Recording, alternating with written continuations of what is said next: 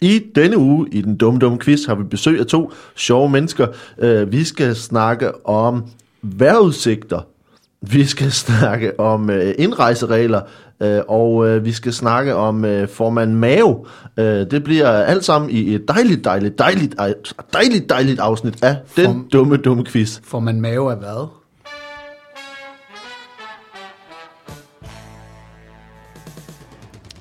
Velkommen til den dumme, dumme quiz. Det, det der klipper vi ud. Velkommen til, velkommen til den dumme, dumme quiz, og velkommen til mine to gæster. Velkommen til uh, Anders og Anders, uh, Stjernholm og uh, Nielsen. Uh, og der var lige sådan en lille teaser, ja. hvor man lige sådan tænkte, nej, er det Anders og Anders? Og det er det. Det er det. Uh, velkommen til. Tak. Tak, tak, tak. Vi uh, sidder her på en uh, fredag eftermiddag og uh, har uh, uh, åbnet dåsebajer uh, i, i studiet. Um, og det er dejligt, at I Ja, kunne det komme. bliver det jo næppe klogere af. Nej, det tror jeg ikke. Men det, men det, er, kun, det er kun godt. Det er kun godt. Øh, velkommen til den dumme quiz. Tak. Øh, er I glade? Rimelig? Ja. Ja. Nå, det er du ikke. Du, du, har allerede, det er fedt, fedt Stjernholm, du har allerede sådan en gameface på, hvor du sådan, Ja, ja. man kan se, at du allerede har, har strammet dig lidt an, hvor du lige, Jeg er, så- jeg, er- jeg er jo dumt kompetitiv. Jeg elsker det her lort. ja, fordi det er jo det, man kan mærke på dig, hvor du ligesom tænker, bror, jeg kommer til at være så fucking åndssvagt til den her quiz. Hvorfor er du ikke øh, glad, Nielsen? Øh, jamen, det vil sige, at vi har fået sportskage på byggepladsen i dag. Hvis I har prøvet det fra La Glace. Er det- Sportskage. Ja, det som ikke- absolut ikke har noget med sport at gøre. Altså, det, det, er en, det er en flødeskumskage eller noget med, Ja. ja. og så med, med, øh, med skildpadder. Nej, Sådan, det så er det med bliver til øh, vand, fodbold. vandbakkelser og med... Øh, altså, det er nærmest kun flødeskum, og øh, så virker det som om, der er sådan noget daimklatter i, et eller andet. Altså vandbakkelser, det er jo sådan noget, man synes var lækkert i 50'erne. Ja, men, men, men det, det, det, jo, jo, det er ikke så.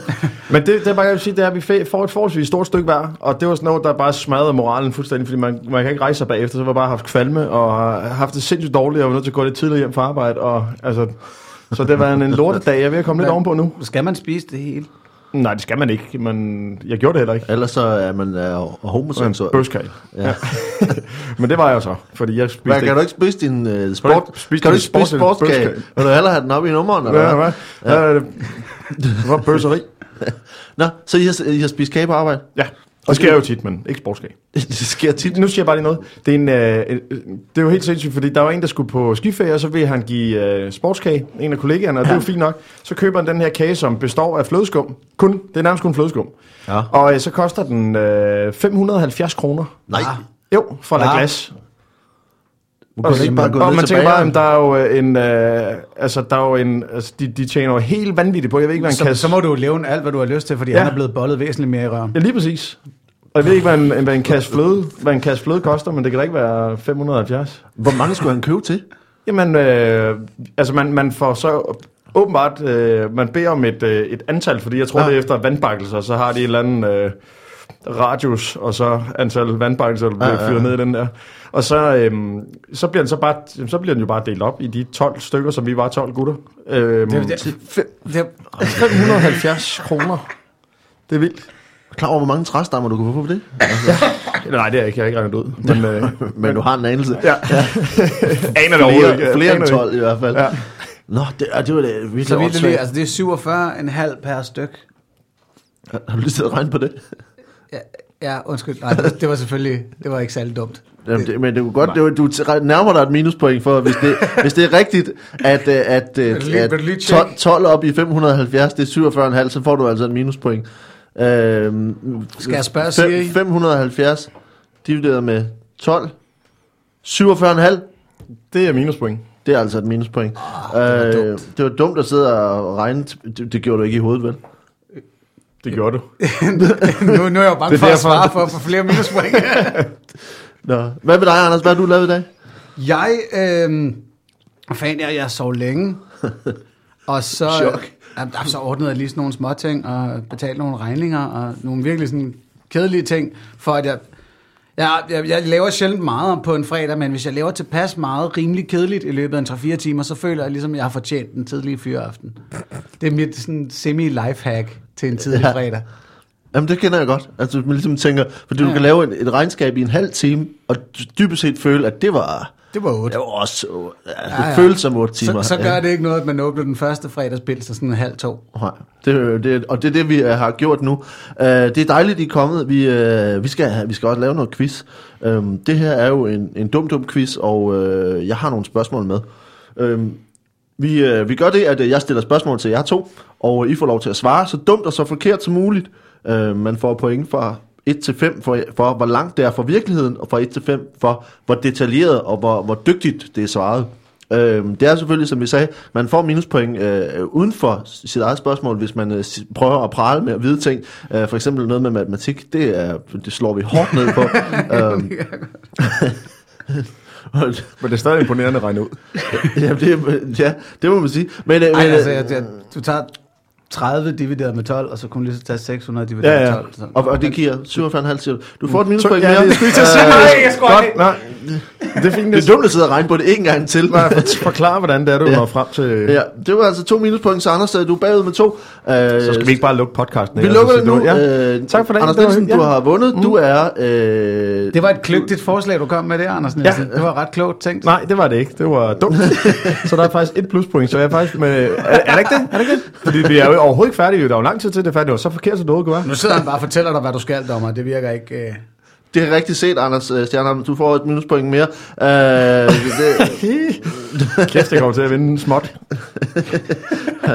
du, har, du har to minuspoint. Vi, øh, vi gør så også det, at øh, når, I, når I har svaret... Øh, svaret på spørgsmålet, så øh, fortæller jeg det rigtige svar, og, øh, og på et eller andet tidspunkt i løbet af quizzen, så lyver jeg om det rigtige svar, og I har altså mulighed for at udfordre det og sige pi, øh, man kan kalde pi, og det betyder altså, at I kan sige, nu, øh, nu tror jeg, at, øh, at du lyver, Valdemar. Og øh, man kan vinde pi-point, eller man kan tabe pi- pi-point, hvis man rammer ved siden af. Øh, man kan gøre det så mange gange, man har lyst til. Hvis I ikke har øh, ramt pi, når vi når til slutningen, så skal jeg selvfølgelig nok øh, få en sidste mulighed for at gætte. Øhm, og ellers, vi skal spille fodbold og dumt, det kommer vi til senere, og så har vi to øh, ekstra små lege. Men i virkeligheden, så synes jeg bare, øh, vi skal se at komme i gang.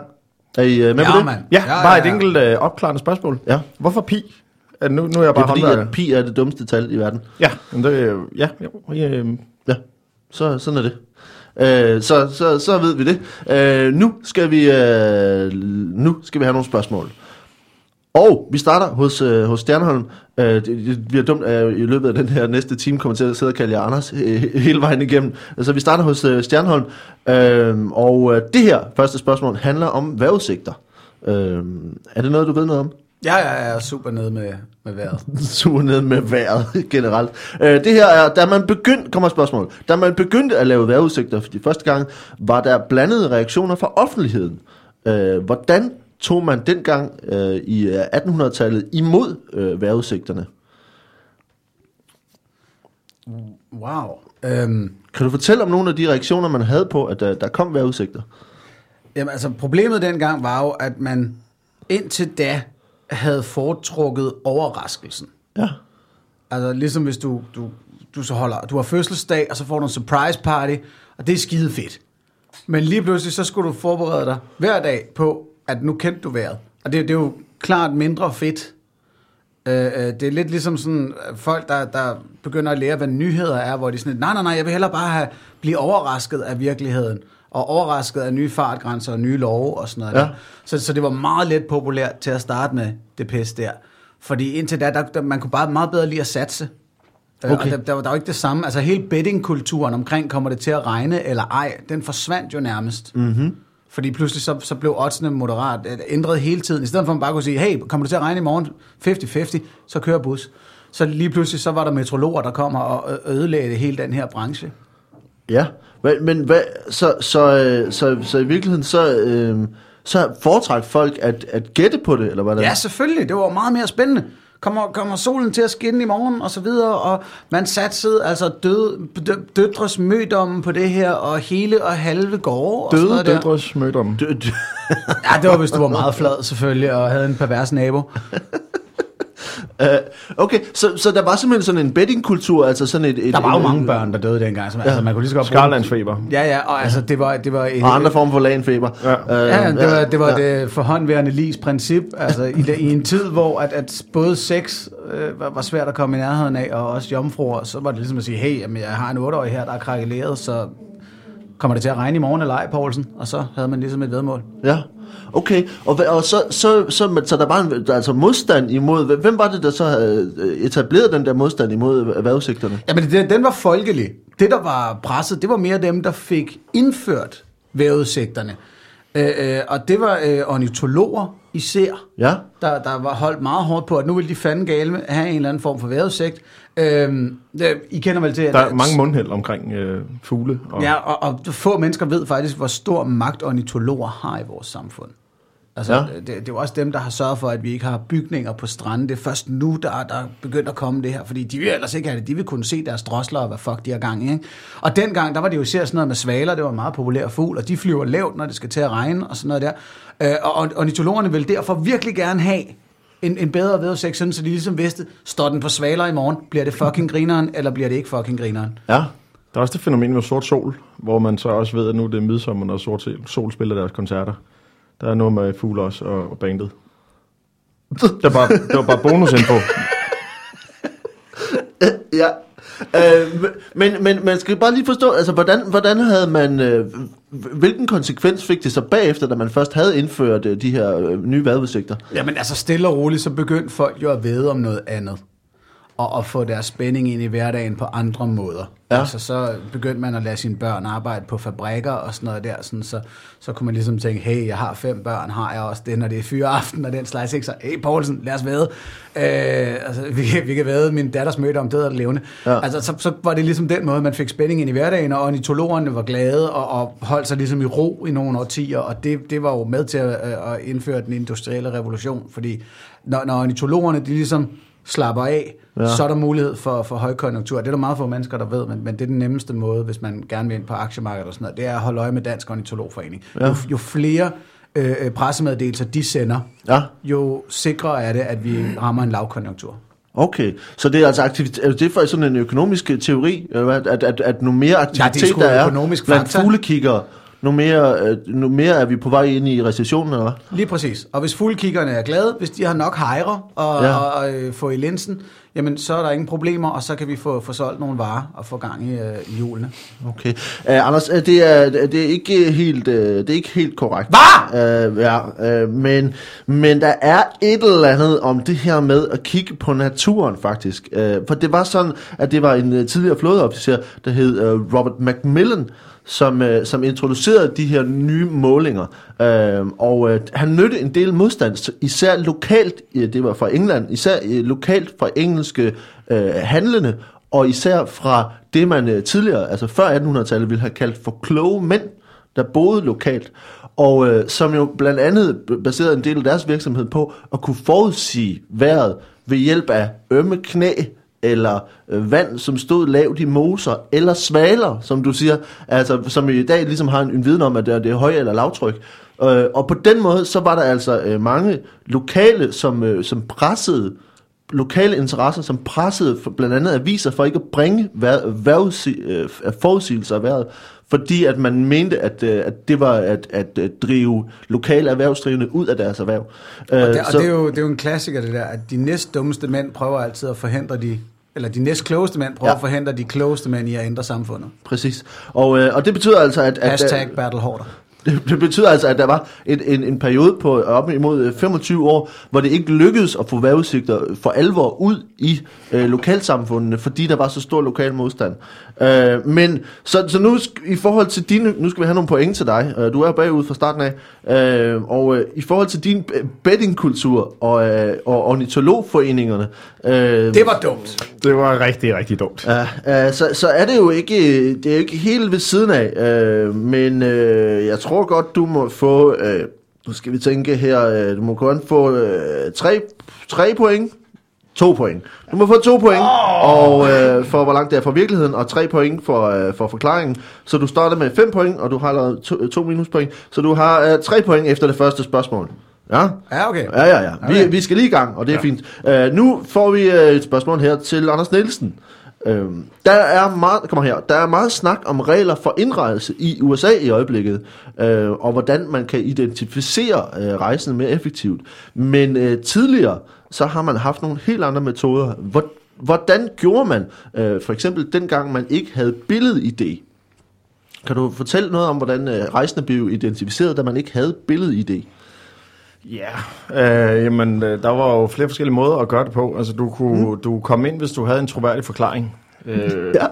og, og det kunne jo være mange forskellige ting, jo, hvis du for eksempel havde... Øh, kunne tage mit eksempel, hvis jeg havde håndværkertøj på dem, så kunne jeg sige, at jeg er jo, jeg er jo gæstearbejder, jeg skal jo ind.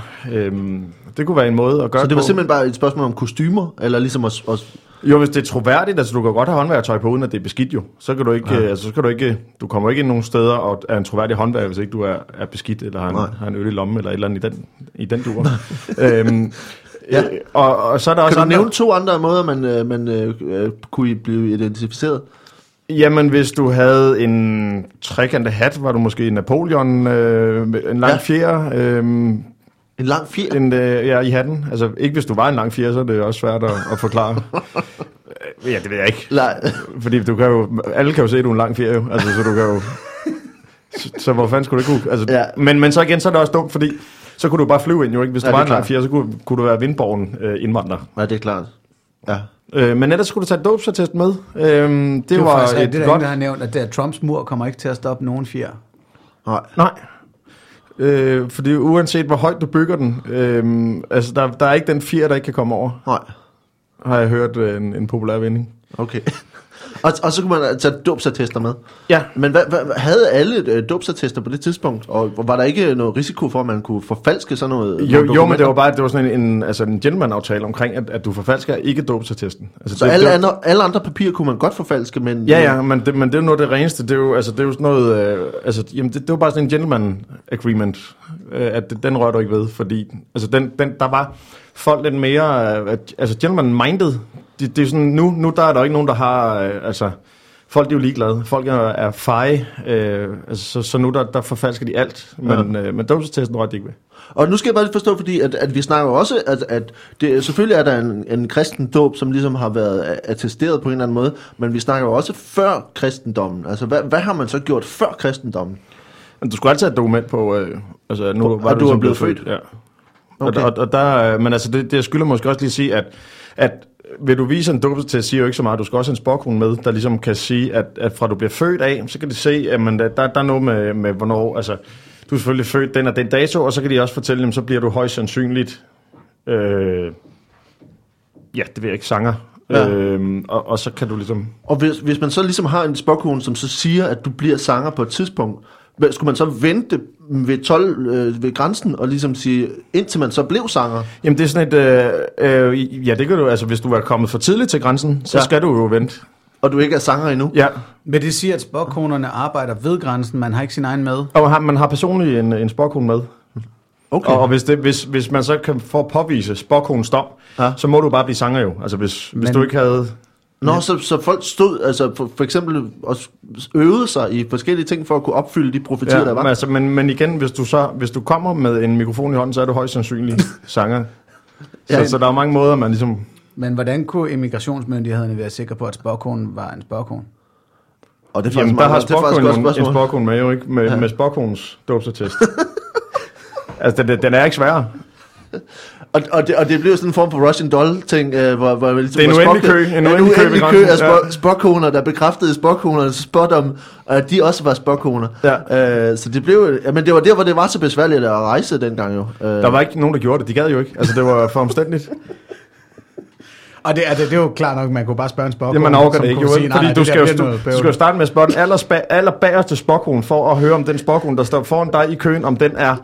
Altså om, du, altså, om der er noget troværdighed i den, altså så skal du arbejde dig hele vejen op igennem, ikke? Og det kan jo Ja. være, altså der jeg ved ikke, hvor mange der var i verden på den tidspunkt, jeg vil tro, der har været 4 milliarder måske. Ja. Så skal du, altså det er jo bare en lang kø, ikke? Der står, den eneste, der har jobbet, er den, der står på den anden side af grænsen. Ikke? Det, er jo, det er jo den eneste, der har det job, og han Ja. kan jo bevise, at han har det job, fordi han har dåbsattesten, Ja. han har grænsetøj på, og han... Øhm, Han havde tøjet på. Ja, Ja, okay. ja. Og man har ikke spokkone tøj. Altså det havde man ikke dengang. Øh, jo, det havde du, ellers skulle du ikke bevise, du var spokkone. Så Jamen, udover at man havde, kunne have sin egen spokkone med, der bekræftede, at man var spokkone, skulle man også have spokkone tøj. Hvad er, kan du bare give et eksempel på, hvad spokkone tøj bestod i? Jamen, det er meget løst sækkelaget. Altså, det, det er... Jamen, det, det, det er sådan alt, hvad man ikke selv vil gå i. Okay. Men det gælder også i dag, jo. Ja, ja. Okay. Uh, det, er, det, er ikke, det er ikke rigtigt, uh, Anders. Uh, det er lidt mere uh, praktisk, det er den rigtige forklaring. For det var sådan, at faktisk har man haft pas-lignende dokumenter helt tilbage fra Persien fra 450 før vores tidsregning. Uh, Kong Henry den 5. af England er faktisk krediteret for at have lavet nogle af de første sådan, al, for alvor pas-dokumenter, og uh, som ligesom kunne vise, at... Uh, som, som kunne bevise, hvem man var, når man skulle rejse til et fremmed land. Og, øh, og det, fra en lov fra 1414 er ligesom øh, i England den første lov, der siger, at du skal have et pas, når du rejser. Og faktisk så var det sådan, før man havde billedet i det, så var det sådan, at der i pasdokumenterne var en øh, skriftlig be- beskrivelse af dig selv, øh, hvilket er, er meget specielt, altså som ligesom beskrev, hvad, hvordan dine øjne så ud, øh, hvordan din næse så ud, hvor stor din pande var, øh, og øh, det vilde var, at øh, de fleste faktisk øh, havde fået beskrevet deres næser som gennemsnitlige, øh, hvilket er en ret vild øh, besk- altså sådan ID-beskrivelse af dig selv, de siger, har sådan en gennemsnitsnæse og nogle gennemsnitlige øjne, og Ja, det, det, kan altså hvad, godt blive, det kan godt blive noget bøvl, to når sådan, ører når og- sådan en perser kommer Ja. til, til Tyskland eller et eller andet, så bare, ved du hvad, det der, det, ja. det er ikke en gennemsnitlig næse, det her. Men hvad validerer den tekst, der er skrevet? Jamen det er så det, altså hvor i virkeligheden så skulle man have lokale myndigheder til at ligesom, der må have siddet nogen på nogle paskontorer et eller andet sted, og ligesom have sagt, okay, når jeg ser på dig, altså, du er pæne øjne, det skriver vi ned, ikke? Altså, så der, har- der har været sådan nogle lokale myndigheder, der har stået for at kigge på folk, og så beskrive dem i en eller anden form for faktuel sprog, og så har man taget det med, når man skulle rejse. Uh, det er en, en ret, uh, ret løs uh, måde at gøre tingene på, men det var altså sådan, man gjorde før. På et tidspunkt, så blev det så sådan, at man i, i sådan en paspakke skulle også have et billede, altså når man kunne få det, så man havde ligesom alt samlet i, et, i, i, en, i en stak, som man ligesom havde overleveret. Uh, men uh, men din, uh, din beskrivelse her af, af, af spå, spåkone øh, er jo øh, helt i den anden retning. Øh, og øh, jeg synes godt, du må få fire point for, hvor langt det er fra, øh, fra virkeligheden med de her spåkoner, spåkoner, spåkoner. Øh, og øh, det er en god forklaring, så du får også fire point for det. Så du starter med øh, 8 point og Oj. fører altså 8-3, inden øh, vi går en lille smule videre. Øh, nu skal vi nemlig til en omgang fup eller dumt. Det er altså her, hvor jeg har tre stykker fakta, Øh, Øh, jeg læser dem alle tre op, og I så skal så gætte, hvad for en der er fup. I må gerne snakke sammen, men I skal give hver jeres bud. Øhm, og vi starter med den første her. Det er fup eller dumt om sprog. Øhm, og det kommer her. Nummer et. Synapistisk. Synapistisk betyder øh, består af sennep. Øh, nummer to. Øh, ripschuf er et belgisk ord for sko med velcro-luk. Og nummer tre, kummerspæk er et tysk ord, der betyder øh, overvægt fra følelsesladet overspisning. Et, to eller tre. Er der, kun, er der kun en af dem, der er rigtig? Der er kun en af dem, der er fup. Nå, okay. To af dem er rigtige, og I skal finde den, der er fup. Så det var altså synapistisk, der betyder sennep, ripsschuf, som er et belgisk ord for sko med velcro-luk, eller kummerspæk, der betyder overvægt fra følelsesladet overspisning. Et, to eller tre, fup eller dumt? Altså, oh, ja. Jeg vil sige, at de, de, to, de to sidste kunne godt, kunne godt i ordet lyde som, som noget, der, der var rigtigt. Ja, Som og kunne- jeg altså, nemlig også tænker, at den første er snotteren men, men, i, Det var også lige så meget, fordi men at Valdemar i en- sidder og griner rigtig meget, når han læser den op. Ja, men, altså, men jeg ved ikke, om det i er en grad, hvor den er så dum, at, at den øh, helt ærligt kunne Valdemar ikke have fundet på. jeg, jeg, øh, du må godt få den første. Så satser jeg på nummer to, at det, at det der belgiske ord, det findes ikke. Fordi det er den, der er mest lige til. Men jeg skal lige spørge lidt på. ind til uh, pointgivning på det her. Ja, vi får Øh, tre point for et rigtigt svar, og et minuspoint for et forkert svar. Og det rigtige svar er at ramme den, der er fup. Okay, ja, fordi, skal det, være- ja, jeg skal lige, fordi det er sådan Det lidt, det, man ja. skal jo lige se... Man skal lige øh, uh, finde ud af, hvordan pointene er uh, fuldstændig Det, det, jeg tilfældige. forestiller mig, det er, at synapistisk, det er startet, da, du ved godt, madanmeldere, det er sådan nogle, der bare, altså de åbner bare det store leksika, før de kan få lov til at skrive, hvordan en pølsevogn var. Og, og der har siddet en eller anden madanmelder og manglet en tilpas høj leaksværdi Ja. til at spille smart med det lort, han har haft gang i. Så, åh, jamen, øh, den ristede var utrolig synapistisk, og så er alle sådan, hvad betyder det ord, Paul? Nå, nu skal jeg forklare, hvad det betyder. altså, Det, det er lidt det, som uh, Peter Kær han laver, øh, når han kommenterer fodbold. Det er også ved at finde på egne ord, øh, for at lyde som om. Altså, men, men, det, men er, det, er det ikke bare, fordi han ikke kan halvdelen af de rigtige danske ord? Nej, det er fordi, han prøver at sætte en trend i gang, men det, det lyder tilpas dummere, end det, det ellers kunne have været. Altså for eksempel så er det der med at, at altså bare låse, låse bolden væk. Det har han jo øh, kåret, eller sådan opkaldt vækspark. Et De, de, vækstspark. de skal være bedre til deres vækstspark. Hvad er der, blevet, Ej. hvad er der galt med ud af kommunen? Ja, det øh, lyder måske racistisk. Det kan være, det er det. Han er fra, Silke, han er fra Silkeborg, ikke? Altså. Jo. Nå, vi skal have det bud her. Hvad Ja, siger I? jeg to tager eller tre? fandme nummer to. Det der øh, velcro-look i... øh, Rips, øh, shuf, Ribshoot, Jeg det er noget, du har fundet på. Synapistisk. Det er rips shuf, som er fup. Yeah! Øh, det er noget, jeg har fundet på. Øh, det, det findes øh, ikke. Øh, du får tre point og et minuspoint til, øh, til Anders Nielsen. Øh, Så nu står det 7-6. Ja, Undskyld. jeg, jeg er vild med Jeg, ordet jeg tager en øl med. kummerspæk. Ja. Det er, når du har det skidt, og så overspiser. Øhm, og, og Det, det er fedt altså at lave et, et ord for trøstespisning ja, på den måde. Præcis. Uh, vi har en mere her, som er, øh, øh, som er fodbold er dumt, om statsborgerskabstests. Nummer et. I, Syd, I Sydkorea, i Sydkorea skal man synge de første fire vers af nationalsangen. Nummer to. I Holland skal du se en video, der blandt andet indeholder billeder fra en nudiststrand. Og nummer tre. I Zambia skal man sværge, at man blandt andet ikke er homoseksuel, og at man ikke vil jagte truede dyrearter. Et, to eller tre. Fup eller dumt? Og kun en af dem er rigtig. Kun en af dem er fup. Jeg ved ikke, Kun- hvorfor jeg skal blive ved med at forklare det. det Jamen, jeg var med på den. En af dem er Øh, fup. En af dem er få, right? Ja. Det er fordi, jeg er utrolig dum. Jamen, øh, En af dem er fup. Fup eller dumt? Altså, jeg synes, der giver god Det mening. var den første igen. Sydkorea, hvor man skal synge fire vers af nationalsangen. Og der er... Okay. Og Og i Holland sjovt, skal det. man se billeder af en nudiststrand. Ja. Jeg er bange for, at jeg synes, de... Jeg vil gerne sige Sydkorea, fordi det giver fin mening, når du- hollænderne er bare sådan, nu skal du fandme høre, hvor meget vi fester her. Ja. Og nede i Zambia, der vil de bare ikke have børser. Nej. Øh, jeg, jeg går med, selvfølgelig skal Jamen, ikke det, synge jeg i synes, det Sydkorea. lyder med, jeg synes, synge. etteren lyder, lyder realistisk. Ja. Fordi, øh, netop fordi det, det sådan har, har lidt med, øh, altså bare en lille smule med, ja, du skal jo passe på, når, når jeg hører det rigtige svar. men, men det synes jeg bare lyder den, der, der er mindst vanvittig. Ja. Så, så hvad for en er mest vanvittig? Det synes jeg øh, måske nudist, øh, Så det er dit bud? Ja. nej. Er hvad for en er fup? Det, er- Øh, ja, nej. Nej. nej. øhm, fup, det er, øhm, ej, jeg ved sgu ikke, fordi ja, to og tre er lige jeg Ja. død. Jeg, øhm, jeg går med træerne bare for Du kan med træerne, det er Zambia.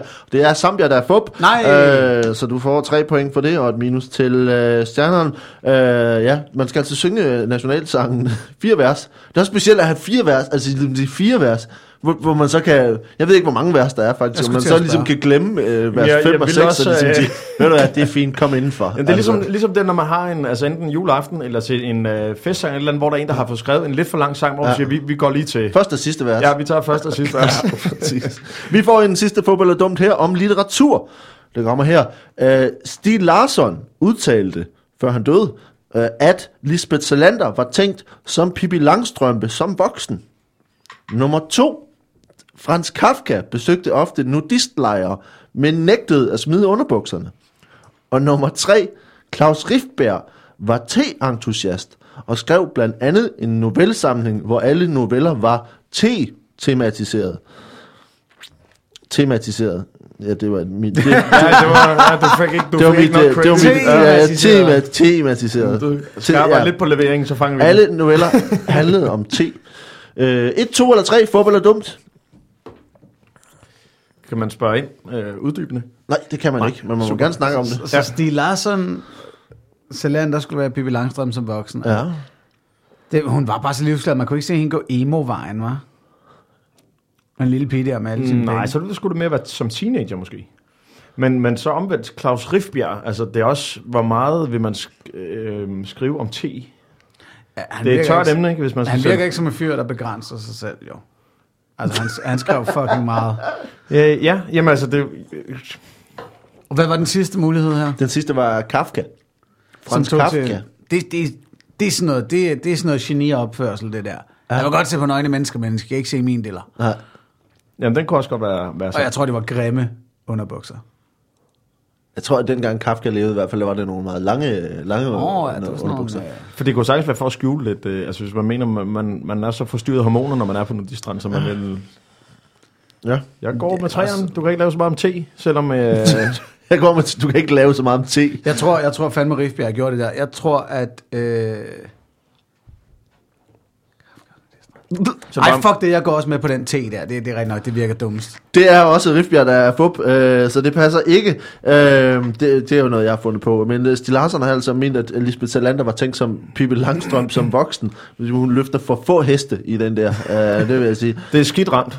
Og så var øh, Fran- Frans Kafka overraskende nok øh, jo en lidt en creep, som, som, øh, som åbenbart øh, besøgte en nudistlejr uden at tage tøjet af. Øh, han, han tog det meste af tøjet af, men ikke underbukserne. Der sætter han grænsen. Ja, der sætter han grænsen. Så vi øh, er endt med efter de her to runder, at øh, nu har, og nu skal vi lige tænke her, du har, Stjerneren, du har 5 point, og Anders Nielsen, du har 10 point. Yes. Sådan der. Øh, nu får vi bare lige en kort øh, break og en lille reklame. Vi skal sige tak, fordi at, øh, der er så mange, der lytter med. Det er en kæmpe fornøjelse at lave det her for jer. Uh, vi skal uh, blive ved med at opfordre folk til at sende deres egne historier, noget rigtig dumt, de har gjort. Uh, så kan vi tage noget med og lave, uh, lave quiz ud af det. Uh, det er, er meget, meget morsomt, når, når vi kan få jeres historier med. Uh, jeg skal også sige, at hvis man har idéer og, og uh, forslag til dumme ting, man har fundet et eller andet sted i sin køkkenhave eller på nettet, så skal man endelig sende det til os. Gå ind på facebook.com dumquiz og send det ind der. Hvis man øh, har lyst, og øh, har lyst til at støtte op om den her quiz, så gå gerne også ind på iTunes, iTunes, iTunes, iTunes, og øh, giv en anmeldelse. giv en anmeldelse på iTunes, øh, giv os øh, fem stjerner og øh, et par ord med på vejen. Det betyder, at der er flere, der kommer til at se quizzen. Det kommer op i deres øh, bundkorrupte feed, og så øh, kan vi komme ud til endnu flere mennesker. Og endelig som den sidste ting skal jeg sige, hvis man har et par kroner til over, så gå ind på tier.dk øh, og øh, find den dumme quiz derinde, og så kan man øh, tilmelde sig og donere et par kroner per afsnit. Det betyder, at vi har råd til hjemmeside og til, øh, til at jeg kan få øh, øh, vokset min brystkasse en gang imellem og sådan Det noget. går Øh, til hjælp til øl. det går til hjælp til øl i studiet og sådan nogle sager. Så øh, gør endelig det. Øh, vi sætter kæmpe stor pris på, at I lytter med derude, og at I giver respons, øh, og I skal have mange tak for det. Bliv endelig ved med det. Vi ses på den anden side. Hej. Og derved øh, skal vi se, er I klar på mere quiz? Fucking klar. Det lyder godt. Vi øh, skal nu have øh, en... Vi tager et spørgsmål nu. ja, jamen, det skal bare lige være- være med på her. Øh, dumme, dumme quizvært. vi tager et spørgsmål, og vi starter over hos, øh, hos øh, Stjernholm. Øh, for det her er en, øh, øh, altså en, en historie om, øh, om, om verdenspolitik. Der var et, et møde i 1958 mellem formand Mao og øh, lederen af Sovjet, øh, formanden for det sovjetiske kommunistparti, øh, Khrushchev, i 1958. Og det var altså den øh, øh sovjetiske formand, øh, der ligesom havde initiativet. Øh, men det her møde gik øh, øh, faktisk grueligt galt, og det havde store implikationer for ikke bare for, for de to personer, men for øh, det meste af verden. Øh, hvad skete der til det her møde mellem de her to mennesker? Ja, jamen, det var et spil bordtennis, der øh, kuldsejlede fuldstændig for dem. Ja, Ting var, øh, Mao var jo selvfølgelig stolt af, hvor god at hans nation var til bordtennis, og spillede super smart. Og, og, og Khrushchev, Chef, Chef, Khrush- Khrushchev. Khrushchev. Khrushchev. Jeg ved det ikke. Krydstjek. Khrushchev. øh, øh, var, var super frisk på, jamen klart mand, pingpong, det gør vi. Bare der er vodka med, så spiller ja. bus. Øh, og så, øh, så spiller de lige op. Og det er altid noget bøvl, når ting ender uafgjort. Og det, det er mærkeligt selvfølgelig, at, at spille bordtennis ender uafgjort, men det var fordi bolden blev væk. Øh, men det, der gjorde det til noget rigtig ballade, det var, at øh, Khrushchev spillede for sjov skyld med venstre hånd. Ja. Øh, så da det lige pludselig var uafgjort, og Mao er i forvejen lidt rasende over, at en russer vinder over ham i bordtennis, så siger Khrushchev, jamen, jeg, jeg, jeg spillede med venstre. Det er Øh, fordi, jeg skal gå i de her sko hele tiden, så bliver man irriteret, ikke? hvilke sko? Mavesko. Jeg fortsætter bare min historie. Jeg prøver bare at hjælpe. Det er godt, du hjælper, Anders. Men Khrushchev siger så, dude, jeg har spillet med venstre hele tiden. Jeg er meget bedre med højre. Men her kan de ikke længere få det afgjort. Nå. Øh, og, og så er det Hvorfor så... kan man ikke afgøre det? Ja, fordi bolden er blevet væk for helvede. Nå, for helvede, Hør nu ja. efter, det, det, det sagde jeg lige før. Øh, og der blev de så enige om, at tiebreakeren, det var, hvem der kunne myrde flest mennesker i arbejdslejre. Ah. Hvis bare der havde været flere bordtennisbolde, ikke? Ja. Det er sådan nogle ting, man nogle gange kan tænke tilbage Millioner af mennesker i Sibirien og i på. kinesiske Ja, der, arbejdslejre. der vandt Mao så der vandt han. til sidst. Men det var så også, altså igen, han bærer fucking nag. Bare fucking nag, når han tabte i bordtennis. Okay. Øhm, Jeg er jo sportsmand. var, var det, altså, den måde at, at, at, at, ligesom at, at bære nag, var det sigende for den måde, de her øh, sovjetiske ledere, de arbejdede på? Ja, altså nager var jo et utroligt populært politisk redskab øh, iblandt især altså kommunistiske regime. Mm. Øh, kommunistiske regimer overalt i verden. Pol Pot var, altså, altså han var jo nok kongen af nag.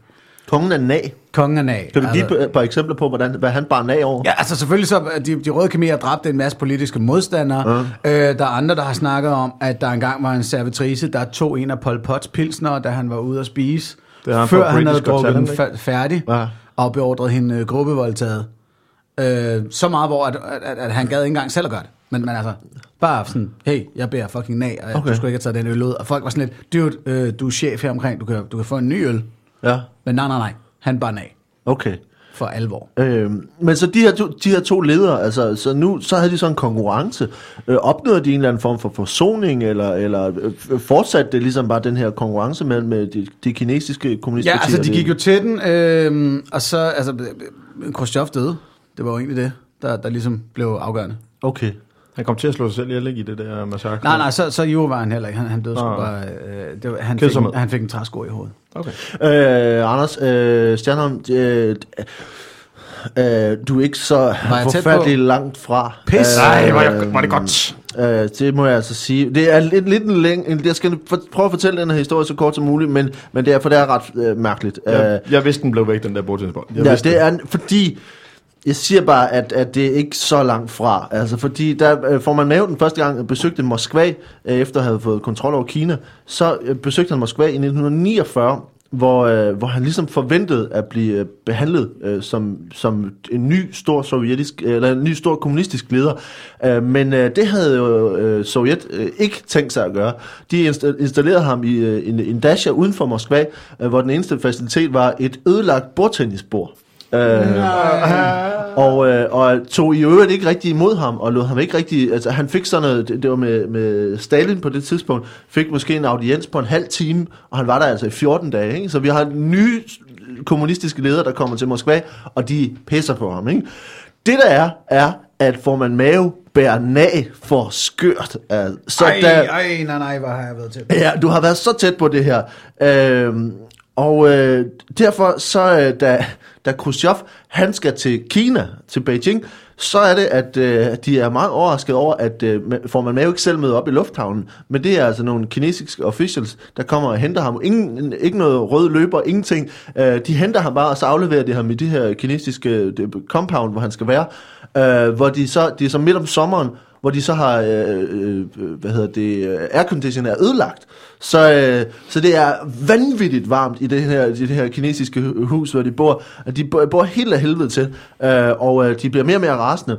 Øh, og, øh, og det som det er, det er, at det får man med åbenbart har lavet sit hjemmearbejde. Han har fundet ud af, at øh, Khrushchev var ret kort, med, øh, altså det ret lavt menneske, men øh, temmelig bred. øh, og øh, en af de ting, som Forman Mao havde fundet ud af, det var, at han ikke kunne svømme. Øh, altså, at Khrushchev kunne ikke svømme. Han havde vokset op på landet, øh, og han kørte traktor og sådan nogle ting, men han kunne ikke øh, svømme. Så derfor øh, var det det, som formand Mao inviterede ham til, en, øh, at komme i Maos øh, palads og få en svømmetur. Så de havde altså et møde, et, altså et legendarisk møde mellem formand Mao og Khrushchev, hvor, øh, hvor Mao starter med at svømme frem og tilbage i den, her, den her svømmepøl, for at vise sig, at han kan svømme. Øh, og på et tidspunkt, så får de, kommer der kinesiske, det er en fucked up historie, på et tidspunkt kommer der kinesiske officials med en form for flydeapparat til Khrushchev, og for ligesom at opfordre ham til, at han skal der også i vandet. Hvor efter Khrushchev kravler ned i det der vand og padler rundt som sådan, med sådan noget hundesvømning, sådan en, en, en, et bræt, han holder fast i, og er fuldstændig ydmyget, mens får man mave pisker frem og tilbage i det der bassin. Man har altså bare to tykke gamle mænd, der ligger nede i det her svømmebassin, og den ene kan ikke svømme, og det er, det, det er efter sine er en, en forfærdelig forestilling. Jeg, jeg forstår ikke, Khrushchev han overhovedet hopper i bassinet der. Skal jeg bare fandme nej, om jeg skal have badevinger, fuck af med jer. Ja, men det, og, og hvor de siger, Uh, hvor de siger, de er, de, de, the, the appearance of two well-fed leaders in swimming trunks discussing questions of great policy under splashes of water.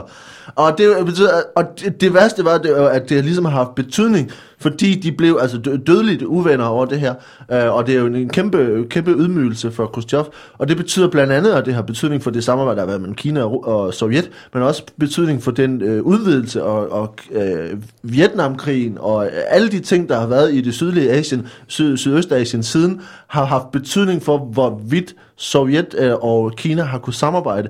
Så fordi at de installerer Mao med et ødelagt bordtennisbord uden for Moskva, uden at se ham, øh, så betyder det, at han smider Khrushchev i vandet, og så ødelægger det mere i Vietnam. Det er en fuldstændig fucked up historie. Man skal gå ind og læse om det her, fordi det er, øh, det er fuldstændig abs- absurd. Øhm, og, øh, og en, en meget mærkelig historie. Og desværre jo mm, at relativt tæt på, hvad, hvad du... Hvis jeg havde sagt noget, men de var i tvivl omkring fordelingen af, af hvede imellem Der skal sig, gives og- nogle point. Hvad Der fuck? skal gives nogle point. Ja, altså Stjernum, du, øh, det, det, jeg ved godt, det blev en lidt lang forklaring det her, men jeg kan sige, jeg, kan- jeg kan altså ikke øh, give dig mere end øh, et enkelt point for, hvor langt det er fra virkeligheden. øh, for du rammer fuldstændig, hvordan øh, storpolitik har foregået i, øh, i omkring 1950'erne. Øh, og... Øh, og, øh, og, og, fremad. Og, øh, og så, men det er jo en god forklaring. Det er jo en god Ja, ja, ja. forklaring, så du får fire point for forklaringen. Og derved okay. så ender du på øh, 5 point, og du har alt øh, 10 point. Og ikke mindst så ser Jeg jeg, nu, lige- altså, at min, mit møde med Bertel Hårder var slet ikke så barnligt, som det kunne have været. Nu hvor, øh, nu hvor vi øh, ligesom har fået delt øh, altså pointene, de er fasttømmer, så vil jeg godt melde pi på, øh, på din bordtennis, øh, eller bordplade tennisbords historie. Øhm, Det hele er rigtigt. Det hele er rigtigt. og hvor er det vildt. Ja. Er det minus 12, 15 point? det er minus uh, pi point. Uh, så 3 3,15 og så derudad. 3,14.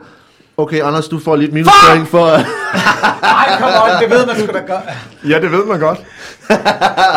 hvis, det, hvis det var med vilje, så er det eddermed med listigt lavet Okay, det der. pro. Ja, det er godt lavet.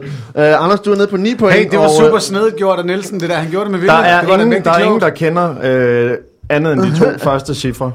Øh, og der er der nogen, der gør. Jeg tror, den... Nej, jeg aner ikke en skid. Jeg Vi, aner vi får, et, øh, vi får øh, nu en omgang af det, som vi kalder for, det er dumt sagt. Ah, det, gør, det er altså godt lavet. Øh, stillingen er en, en 9 til, øh, til Anders Stjernholm, og, øh, og du, nej, det er minuspointen skulle op den anden vej jo også. Du får, øh, fuck, vi regner på det bagefter.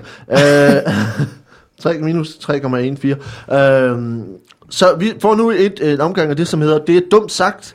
Øh, det her er altså et citat, og faktisk er det Åh, netop... øh, nu, nu, Jamen, så tager vi Nå, til, okay, ja. til Anders Nielsen, øh, øh, fordi så bytter vi lige rundt bagefter. Øh, det her er det, som vi kalder for, det er dumt sagt, øh, og det er et citat fra netop øh, Khrushchev, øh, som øh, til Time Magazine i januar 1958 har udtalt følgende.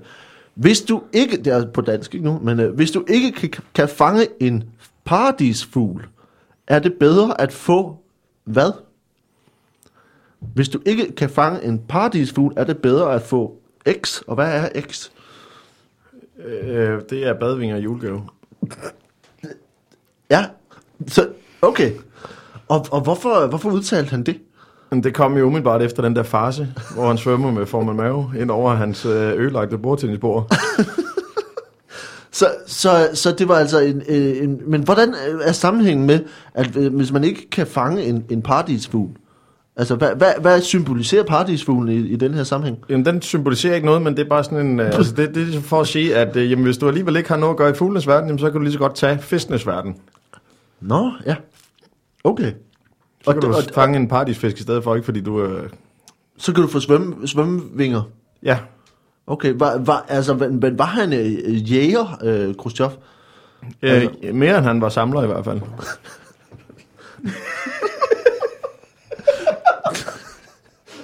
Det er sådan, det er den skala, jeg har. Yeah, Hvad hedder den? samlerskalaen. 60-40? 60-40. Okay. Og, og, og der med, med, med svømmevingerne, det var altså et spørgsmål, altså var det... Øh, Jamen, det er jo det, der er det, det er så dumt, ved det ikke? Fordi øh, når han så gerne vil fange en paradisfisk, så er det jo også svært med svømmevinger på, ikke? Fordi du kan ikke komme specielt meget under vandoverfladen, når du Nej. har den på, ikke? Så det er derfor, den ikke giver nogen mening, men den blev taget, den blev også taget tilbage, den talemåde. ja. Øh, Nå. Fordi altså, den, den var jo belyst, og den, den, øh, den, altså, der var ikke noget hold i den. Nå, men, men ændrede han den, så fandt han, altså øh, korrigerede de så ligesom, øh, hvad man kunne, var det bedre at få end en paradisfugl så? Ja, og det var at få en paradisfisk. En paradisfisk? Ja, for det kan godt høre, det lyder helt dumt, det der med badvingerne. der ja. ligesom blev spurgt ind til det, ikke? Så, Jo. ja, det kan jeg egentlig godt se. Ja. Men, men, hvad, Men det er også irriterende, ja. når man som poet, sådan, altså når man sådan bliver, altså der bliver stillet kritiske spørgsmål ind til en, ikke? Altså det er irriterende, når man har noget, som man gerne vil have, bliver en catchphrase, jeg ved ikke, om de kaldte det dengang. Men, øhm, men øh, man har en Hvordan catchphrase, siger man som catchphrase på, på russisk? Øh, ja, der, du er lidt mere østeuropæisk end jeg er, så der øh, kan det måske være, at du skal hjælpe mig lidt Ja, her, for det- jeg kan faktisk ikke med ud. Nu, nu er det mig, der stiller spørgsmål i den her quiz umiddelbart, Ja, så... nå ja. Øh, jamen, jeg... Det er okay, Jeg, det er jeg, jeg, jeg ved det faktisk ikke. Altså, der, der må jeg være helt ærlig. Mm. Okay. Øhm, Anders øh, Nielsen, det er ikke øh, det er ikke rigtigt. Og øh, dog er du ikke øh, altså det oprindelige citat fra Time Magazine i 1958 er If you cannot catch a bird of paradise, better take a wet hen. Altså, hvis du ikke kan fange en paradisfugl, er det bedre at få en våd høne. Og nu er vi ude, ude lidt af det våde. Det lyder som, øh, at Khrushchev han var kongen af kvart i fem. men jeg ved ikke, hvad- altså, der er et eller andet i det her, ikke, som ligesom men jeg tror i virkeligheden, det var fordi han var, altså ligesom var bondeslægt. Så det der med, at, at, øh, at, at man behøver ikke at skyde så højt i virkeligheden, og det er i virkeligheden det, der ligesom var intentionen i det, at, øh, at hvis man ikke kan få det bedste, så kan man også bare nøjes med en våd høne. Jeg ved ikke, at det, og jeg ved ikke om det er kvart i fem, om hvad du, hvad du tænker på. Jamen, ja, han virker Jo, som typen, tror- der virkelig kan finde ud af at være på Buddy Holly der. Når, når, Og, og når, når de så og- og dørmanden kalder begynder- sidste omgang, Og de begynder at spille Frank Sinatra og sådan noget, og så er han sådan, "Nå, hvor er der nogle våde høner her? Altså, Så det er virkelig klam Jamen, med, med står med svømmevinger på og tænker, at vi finder bare en eller anden nu. Nu er det, nu er det sidste høne, bare både er i alkohol og damer, ja, så er det... Men, Øhm, men altså, dine, dine, dine, dine svømmevinger og derefter en, en paradis fisk er jo ikke så forfærdeligt langt fra. Altså, Jamen, siger, det er øh, tilpas langt fra, hvis en våd høne, det er en uh, landfugl. ja, men det, jeg tror, du må få, du må også med få tre point for, for forklaringen, og øh, for langt der for virkeligheden, og tre point for forklaringen, så du ender med øh, 6 point, så det vil sige, du har 16, og Anders Stjernholm, du øh, har øh, 6,86 point. Øh, du er lidt bagud. Hvor Men, det, øh, det er ikke mig, der skulle have taget pi fra. Det var Det var Nielsen. faktisk... Øh, der sagde han noget rigtigt, så skal han have minuspoint. Ej, nu stopper du. Ja, det er rigtigt. Du, du har ret. Øh, nu tænker jeg, det var 6,86 plus 6. Det giver, at Anders, du har, Anders Nielsen, du har 12,86, og Stjernholm, du har 9 point. Sådan. Nu får vi det, et, øh, en, en omgang her af, skal vi se, et, øh, ja, vi når en omgang øh, filmanmeldelse. Det her er en film, som øh, er fra 1989, Stjernholm. Ja. Og øh, vi skal høre, øh, om, om, om, du, hvad din øh, anmeldelse er af den her film. Øh, det er en film af den øh, tjekkiske instruktør Jan Schwankmeier, øh, som hedder øh, på tjekkisk gået fra øh, Samilovane Maso. Ah, den. Ja. Øh, og det er en... øh, en Hvad var det, den danske titel var? Øh, det kan jeg ikke Det er fortælle igen dig. Valdemar, der stiller spørgsmålene, og Øh, ja. dig, der har... Ja, det er rigtigt, Anders. Det øh, får du også et minuspoint for. Tak skal du have. Øh, men øh, men, men øh, øh, Samilovane, det handler om kærlighed, kan jeg sige. Øh, Hmm. og, øh, og, men hvad, på hvilken måde øh, handler det her om kærlighed? Det, jeg kan sige, det er en, en animeret film faktisk fra 1989. Ja, jamen, Ja. Jeg, kan, jeg kan faktisk godt huske den, og anmeldelserne var virkelig gode, fordi at han var sådan en type, der pressede citronen, mm-hmm. skubbede til kuverten, som man også siger. Mm. Øh, øh, og i en tid, hvor at, altså, folk kunne ikke få farver nok, jo. Det var, det var jo på det her tidspunkt, hvor øh, Kislovski lavede øh, sin øh, rød, hvid og blå, og der var kampen om den røde ko, og andre klassikere, hvor der bare var farver på hele tiden. Ikke? Mm-hmm. Og så laver han en animeret film i fucking sort-hvid, altså film noir Ja. Og, og, og virkelig skubber til den, fordi, øh, fordi han, han dropper hvid. Nå, ja. Så, Så en sort-hvid film uden hvid? Ja, så, så den, var, den, var lidt, den, den var lidt tricky Ja. for folk. Øh, også fordi, at... at øh, Det var ret at lave. Ja, det skulle man tro ikke, men altså, den, den, kunne- man kunne godt se nuancer, hvis du for eksempel havde night vision briller på, men de var sjældne dengang. Ja. Især i Tjekoslovakiet. Ja. Øh, og, og derfor så, øh, de fleste stolede på, når han ligesom sagde, jamen den handler om sådan og sådan, og den er faktisk virkelig fed. Og den, den handlede så om Piotr, der møder Mirella, og så viser det sig, at, at uh, Mirella, hun er uh, lesbisk, og det er noget ballade for Piotr. Og folk mente også, at den var ikke for børn. Nej, nej, nej. Øh, og det insisterede han på. Han sagde, jo, jo, jo, fordi hun hendes bedste ven er en kanin, og det er jo skide godt. Og sådan. Mm-hmm. Øhm, men, men folk stolede meget på, at, at hans udlægning af historien var rigtig, fordi de, de færreste kunne jo egentlig se den. Øh, men de, der kunne, sagde, at den var helt genial. Okay. Øhm, Så, så det var få mennesker, der kunne se den. Hvad, hvad, hvad, sagde, hvad sagde nogle af anmeldelserne, øh, anmelderne omkring filmen? jamen, de fleste anmeldere var fuldstændig vilde med den. Ja. Og så var der en, en, øh, en enkelt lille dreng, som sagde, øh, det er jo bare et sort lærred i øh, en time og 36 minutter. Ja, Øh, men ham var der ikke nogen, der hørte på. men ham var der ikke nogen, der hørte på. Nej. Øhm, hvad, har det Lille, været, har lille det, H.C. Andresen, han, han, han, han, spil, han, han betød ikke noget i anmelderkreds på det tidspunkt. Men hvad, har det haft, altså det, den her film er jo fra 89, øh, og, og sådan været forud for sin tid, har været meget sådan moderne på det her tidspunkt. Mm. Hvad, har- hvordan har det påvirket at, at det, filmindustrien og den måde, man har lavet film Altså, på siden? øh, tegnefilm efter det Ja. øh, øh, var, var tydeligvis fuldstændig smidt af. Altså, øh, den lille havfru, som kom kort efter, der var man meget enige om, øh, vi kører på med farver, øh, Ja. og ikke nogen lesbiske. Men derudover så tog de nærmest alle fortælleelementer. Kender vi Ursulas øh, seksualitet?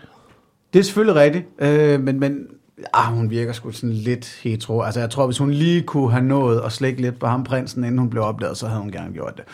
Men, men, men de skiftede, ja. de skiftede øh, kaninen ud med en krabs, øh, Ja. eller en hummer, eller hvad, hvad fanden er ham der, Sebastian? Nå, det er også ligegyldigt. Men, men altså, hele havet er skønt, Ja. var faktisk, den er meget tydeligt, nogen vil sige planket, andre vil sige inspireret af øh, øh, Græsset og Grønt sangen, fra, som kaninen synger Ja. i, i den anden film her. Øhm, øh, så, så det var helt tydeligt, at der, altså, efterdønningerne af, af det her værk øh, satte sig langt, både i Disney og også over i Japan i anime-genren. Okay. Altså, Men øh, jeg, jeg skal starte med at sige, at det, det, er, ikke, det er ikke rigtigt.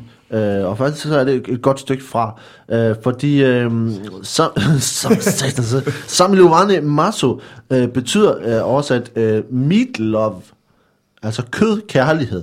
Okay. Og jeg er en kortfilm, ikke en, øh, en, en lang animationsfilm, som du sagde, øh, som er altså lavet af den, af den tjekkiske, tjekkiske instruktør Jan Schwankmeier, som er animator, og, øh, og selvom øh, regeringer i det østlige Østeuropa på det her tidspunkt var kollapset, øh, så var Tjekkoslovakiet stadigvæk en nation, og, øh, og det handler faktisk lidt om Berlinmuren og, øh, og problematikken mellem øst og vest, øh, og og plottet, øh, plottet øh, er, at øh, man har to, det er en film, der var 1 minut og 30, og det handler om to stykker kød, der bliver forelsket i hinanden, øh, og øh, øh, udspiller en kærlighedshistorie med, altså animeret, som, øh, hvor, hvor de to stykker kød øh, finder ud af, hvordan de kan få hinanden, eller ikke kan få er hinanden. de på hver sin side af muren?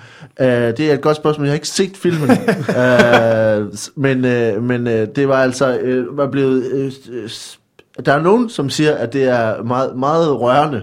Uh, to udskæringer af, af oksekød, som, er, som har et romantisk forhold. Er den i Og- farver? Ja, Okay. Hvis, øh, man, man kan sige, hvis, øh, hvis, hvis det er muren, der skiller dem ad, så, så kan, det, være- kan man have svært ved at forestille sig, hvordan de så har mødt hinanden på en eller anden måde, hvis, øh, fordi det stykke kød er ikke specielt højt. Ja. ja. Uh, jeg, jeg, jeg er i tvivl om det, men, uh, men i hvert fald er det altså en, øh, en, øh, en øst-vest tematiseret kærlighedshistorie mellem to stykker oksekød, uh, som er lidt noget, noget andet end Ja, det. jeg var lige, der var lige et par, jeg har lige et par my ved siden af, det kan jeg godt høre. Så jeg synes godt, du må få 5 øh, fem point øh, for, hvor langt det er fra virkeligheden, øh, og du må få 4 point for forklaringen, så du ender med 9 point. Det giver Sådan. 18 point inden det sidste spørgsmål her til... Øh, Er det ridset så skarpt op, skarpt op, så når du siger, at det er en kort film, hvor han siger, at det er en lang film, så er det bare 5 point automatisk? Nej, men jeg synes også, at, at tem- tematisk, og de ting, han, øh, han lægger op til her, er, er vi et godt stykke fra, fra to stykker kød, der er Altså man kan sige, kanin det er jo et stykke kød jo. Jeg Ej, synes, nu, det nu, er fire... Nu virker du desperat. Ja, det, Det synes, er jeg jeg også. synes, du... Øh, Men det er også fordi, jeg ved, at... Nej, jeg skal ikke jeg skal passe på med... Jeg tager en godt det sort-hvid film uden hvide for helvede, det var det mest originale i hele jeg verden. synes, det var meget originalt. Prøv at høre, det- noget andet er, hvis nogen øh, altså, ligger den der på YouTube eller et eller andet, fordi så vil jeg gerne love, så kan jeg godt lige holde ud og se 90 minutters tegnefilm om to stykker kød. Jeg synes også, hvis man Ja. har det, så øh, send endelig et link. Jeg er Øh, vanvittigt nysgerrig. Det, er, det lyder fascinerende. Nu har vi nemlig det sidste spørgsmål her, øh, og øh, det er til dig, Anders Nielsen. Du har altså, der står 18 til Stjernholm og 12,86 til dig. Hold kæft, det er spændende. Det er meget spændende, det her. Det kan ikke blive Øh, uafgjort. Det, Det- her, det sidste spørgsmål, det handler om underholdning. Den første mand, der svømmede over den engelske kanal uden hjælpemidler, fik en kort showbiz-karriere ud af sin bedrift. Men hvad bestod den karriere i? Jamen, det var som torso. Som torso. Ja. Ja. På hvilken måde? Jamen, man havde altså grund til, at øh, altså, uden hjælpemidler, det er jo, at han kunne ikke bruge arm og ben til at komme over. Nå, der kan slet ikke bruge, altså slet ikke bruge Det er jo, altså, arme- det er jo arme sådan set hjælpemidler. Hvordan, svømmede, han- hvordan havde han så fremdrift i vandet? Jamen, han var meget oppustet, så han kunne bare, altså han flød i overfladen, og så var det bare strøm, der førte ham over. Han, han flød over den engelske kanal. Ja.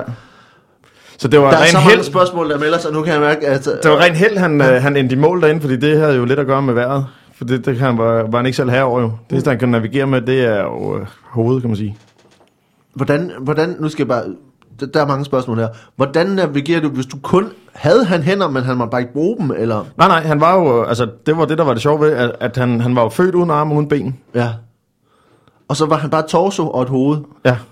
Og så, så besluttede han sig for at svømme over den engelske kanal. Hvordan navigerer du ved hjælp af hovedet, når du kun er, er torso og, og hoved? Hvis du, hvis du ligesom har med svømmefødder, den måde du svømmer på med svømmefødder, gjorde han bare med hovedet, så lå hovedet baglæns, og så, så, så plasker han afsted på den måde. Så nikkede han bare Ja. ned i vandet. Ja.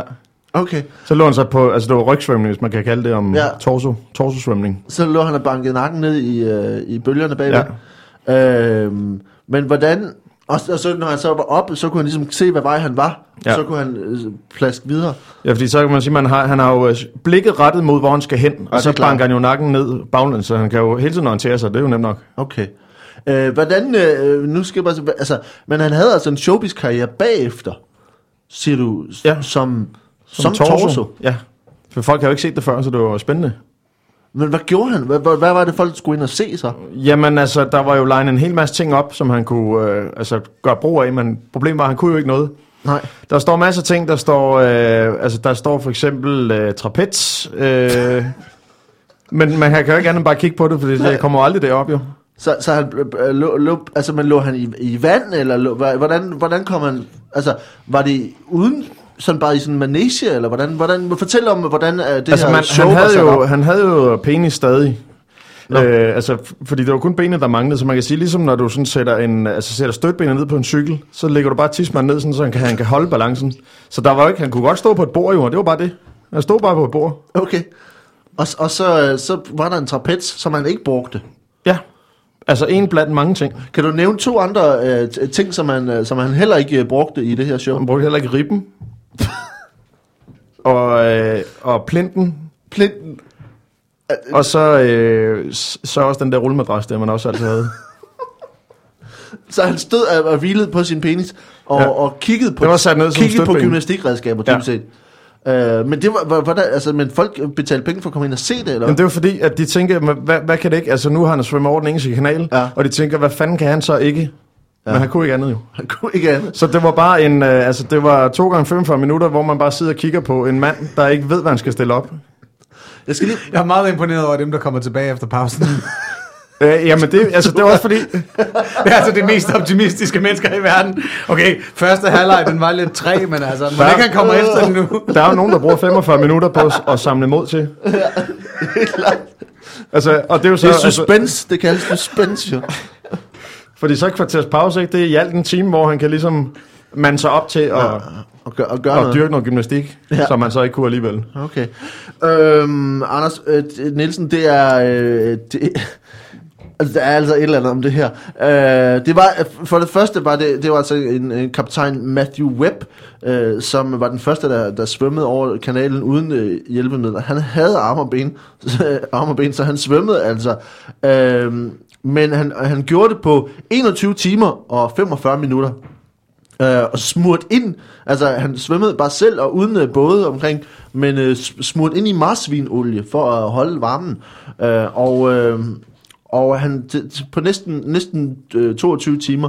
Øh, Jeg skal lige og det endte altså med... opklarende. Ja. Marsvinolie, der snakker vi øh, altså vand, Store- vanddyr. Vi snakker ikke øh, vel, fordi jeg ved ikke, hvor olien kommer ud, hvis du ved Hvis du vrider, hvis du vrider et marsvin, Der skal altså også vrides nogle gnaver, før Ja, du har nok der marsvinolie til sådan en uh, menneskelæme. Men, øh, men fordi han ikke helt kunne holde kursen over, over kanalen, så endte han faktisk med at svømme øh, 64, øh, 64 kilometer øh, på de her 22 timer. Øh, efter at han havde fået den her re- rekord, hvor han havde svømmet over, så var han øh, altså både øh, nationalt og internationalt havde han øh, stor anerkendelse og, øh, havde altså en, en karriere som professionel svømmer og, øh, og blandt andet også licens på merchandise. Øh, øh, øh, hvad hedder det? Øh, kopper og kander, som ligesom var merchandise. Og ikke mindst uh, Englands mest populære marsvinolie. Det, og, og en bog, der hed The Art of Swimming, som han udgav. Øh, og så var der altså det, at han øh, havde en, en showbiz-karriere, hvor han var øh, blandt andet var i svømmeopvisninger, øh, og, øh, og et stunt, som blev øh, vist øh, på, på shows, hvor han flød i en, en vandtank i 128 timer.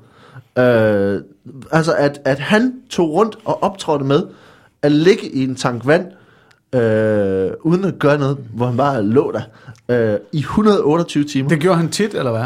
det, gør- men det er jo et, et stunt, der blev lavet flere gange, hvor, han ligesom, hvor folk kom ind for at se den her s- svømmehelt. Øh, Nu skal vi lige se, hvem, hvem så hele koncerten? Jeg er ikke sikker på, at alle så hele koncerten, men jeg, Ja, de samme mennesker, som ser en mand uden arme og ben stå det ville hellere, det er trods alt kun gange 90 45. minutter. Men øh, når vi snakker om 1875, jeg har en forestilling om, at det er ligesom sådan, ligesom et, sådan et omrejsende cirkus, hvor folk ligesom kommer, og så er det der i nogle dage, og så t- han ligger inde i den der tank i 8, 128 timer, og folk ligesom kan komme ind og se, nå, der ligger han stadigvæk, og så kan de gå Ej, videre og se nu noget siger jeg bare lige noget, ikke? Altså, så, så ligger han den der tank, gang imellem skal han æde noget. Ja. Ja. En gang imellem er han også nødt til at pølle. Ja, Så du, Ej, det må sokke det stunt der, det må sokke så meget. Ja, det, det, er, det er umiddelbart et ret kedeligt et, og et ret dumt stunt. Uh, men Det er ikke så i forhold til, nu får nu at se på dine point, hvor langt det er fra virkeligheden. En mand, der kigger på, uh, kigger på gymnastikredskaber, uden at gøre noget i 2 gange 45 minutter. Altså, jeg er med på tidspunktet, men der er et eller andet i det her med, at det lyder lige så kedeligt, som det du har fundet på. jo, der vil jeg lige vil sige, 128 timer, det er lang tid. Nu- og, det er lang altså, tid. hvis man, Nu- hvis man nu- ser det hele. Nu padler du. nu- nu- Nu nu- Nej, rykker det gør jeg, du det gør jeg ikke. øh, Jeg ved godt, hvad jeg vil foretrække. Så kan man komme tidligt hjem på natten. ja. men, øh, men så du kan ikke, altså, øh, og så er det selvfølgelig det her med, uden at arme altså, helt oppustet og navigere med hovedet. Du kan ikke få mere end, øh, end 3 point for, for, hvor langt det er fra virkeligheden, og du må gerne få, øh, nu skal vi se her, øh, Hvor mange har stjerner, må vi lige se. Nej, nej, nej. det er, Ja, to. To må det være. du, må få, øh, du må også få 3 point for, Ej. for forklaringen, så du ender med 18,86 point. Men vi er næsten færdige, men I Det er har, ikke, Hov, I, har ja. ikke, I har ikke fundet pi. Jeg tager en... Øh, Vi kan lige uh, sige kort, hvad det var, der var, var, var uh, pi-ting her.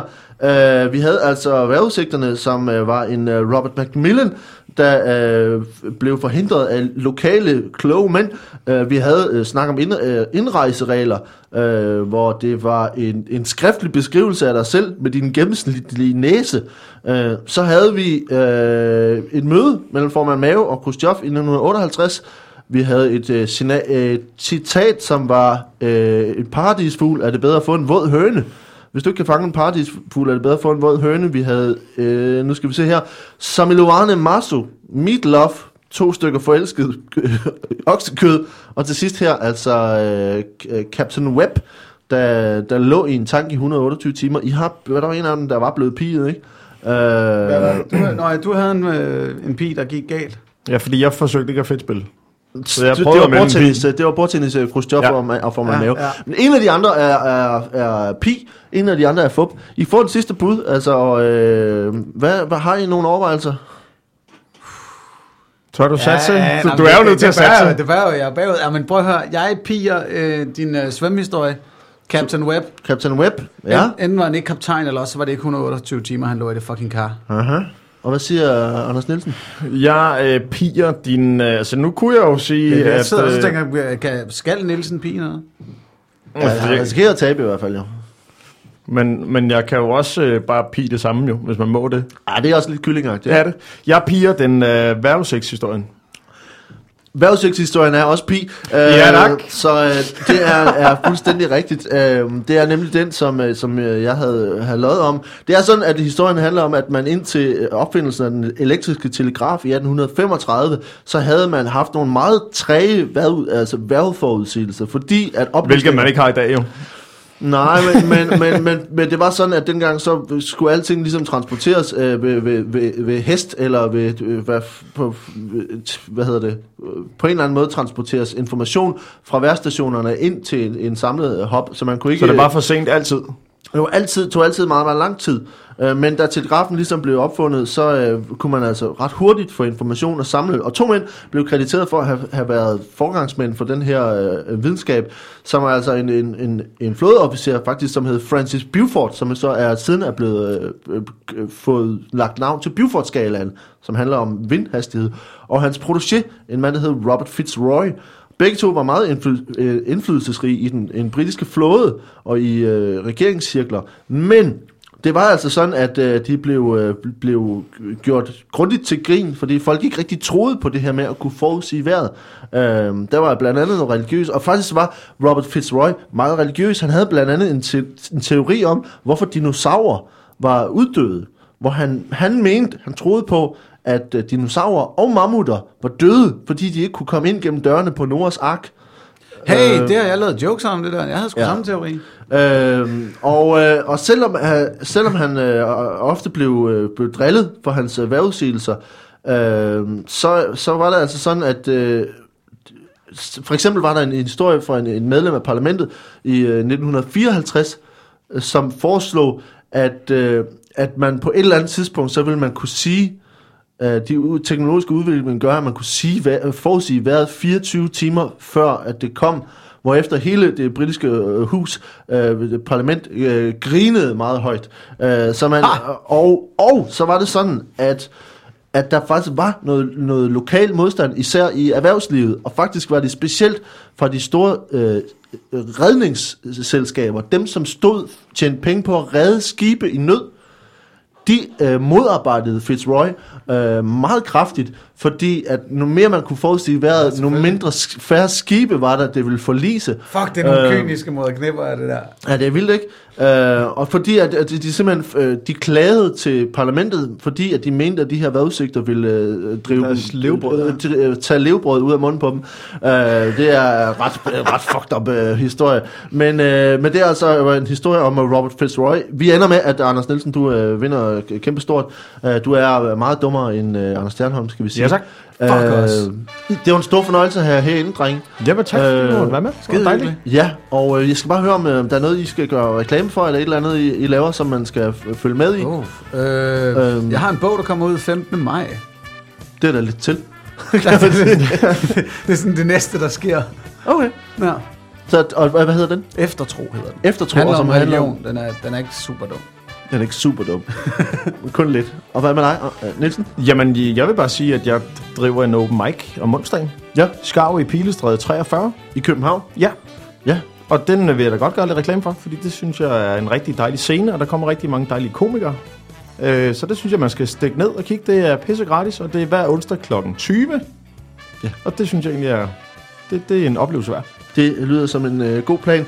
Øh, jeg skal bare sige en sidste ting, det er, at jeg den 23. februar er i på Valby Kulturhus sammen med Christian Fuldorf, Brian Mørk og Kasper Porsdal, så vidt jeg husker. Hold da kæft, øh, og, øh, og der, det er den 23. februar i et nystartet Valby Comedy Club, så øh, find, øh, find det på Facebook og øh, kom ned og se noget stand-up øh, i Valby, hvis man er i nærheden. Øh, ellers så skal jeg bare sige tak, fordi I kom, og øh, have en, øh, en dejlig dag. Tak. Lige med. Tak for nu. Hej.